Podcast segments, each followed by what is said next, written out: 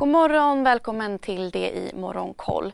Börserna i Asien handlas blandat inför Feds räntebesked idag. Stockholmsbörsen ser ut att öppna i sidled.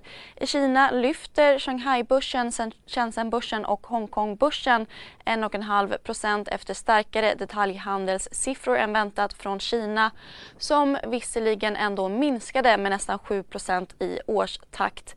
Även landets industriproduktion var starkare än väntat. Även från Japan har vi fått stark data där landets maskinorder steg dubbelt så mycket som väntat med 10% i mars. Tokyobörsen skiljer sig från övriga börser och är ner en halv procent. På valutamarknaden har yenen fortsatt att försvagas mot dollarn och befinner sig nu på den lägsta nivån på nästan 20 år. Dollarn har också stärkts mot euron på senaste tiden. En euro kostar en dollar och 4 cent. Inom en månad kan valutorna mötas. Det spår en valutastrateg på banken Wells Fargo till Bloomberg som menar att USAs underliggande tillväxt är starkare än i eurozonen. Vidare till USA där marknaden har fullt fokus på räntebeskedet från landets centralbank ikväll som väntas klockan åtta svensk tid. Den höga inflationen har satt press på banken att höja räntan ytterligare och marknaden har prisat in en höjning på 75 punkter ikväll.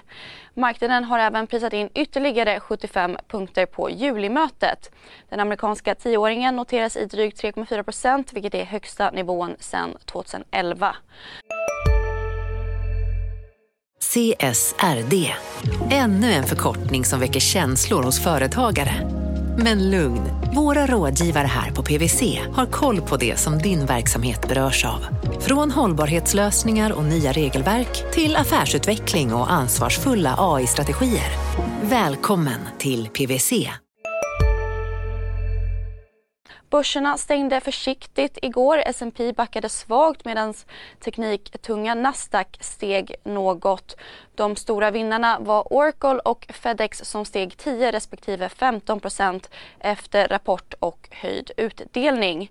Kryptohandelsplattformen Coinbase backade närmare 1 efter att bolaget meddelat att man varslar en femtedel av personalen inför vad bolaget kallar en kryptovinter.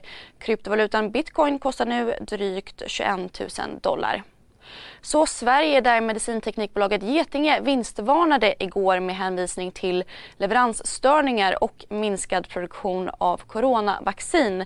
Bolaget sänker förväntningarna på ebita-marginalen men lämnar långsiktiga finansiella mål oförändrade.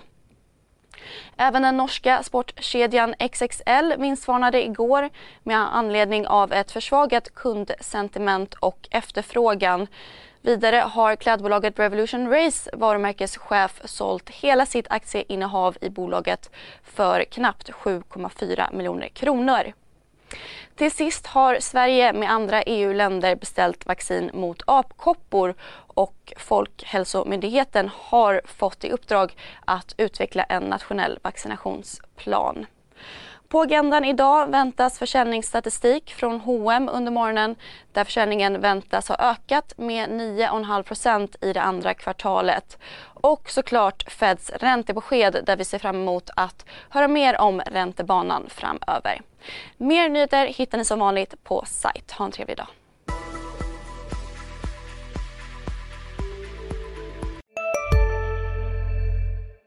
CSRD. Ännu en förkortning som väcker känslor hos företagare. Men lugn, våra rådgivare här på PWC har koll på det som din verksamhet berörs av. Från hållbarhetslösningar och nya regelverk till affärsutveckling och ansvarsfulla AI-strategier. Välkommen till PWC. Hej, Synoptik här. Så här års är det extra viktigt att du skyddar dina ögon mot solens skadliga strålar.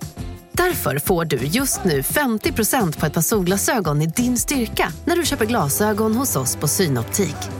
Boka tid och läs mer på synoptik.se. Välkommen!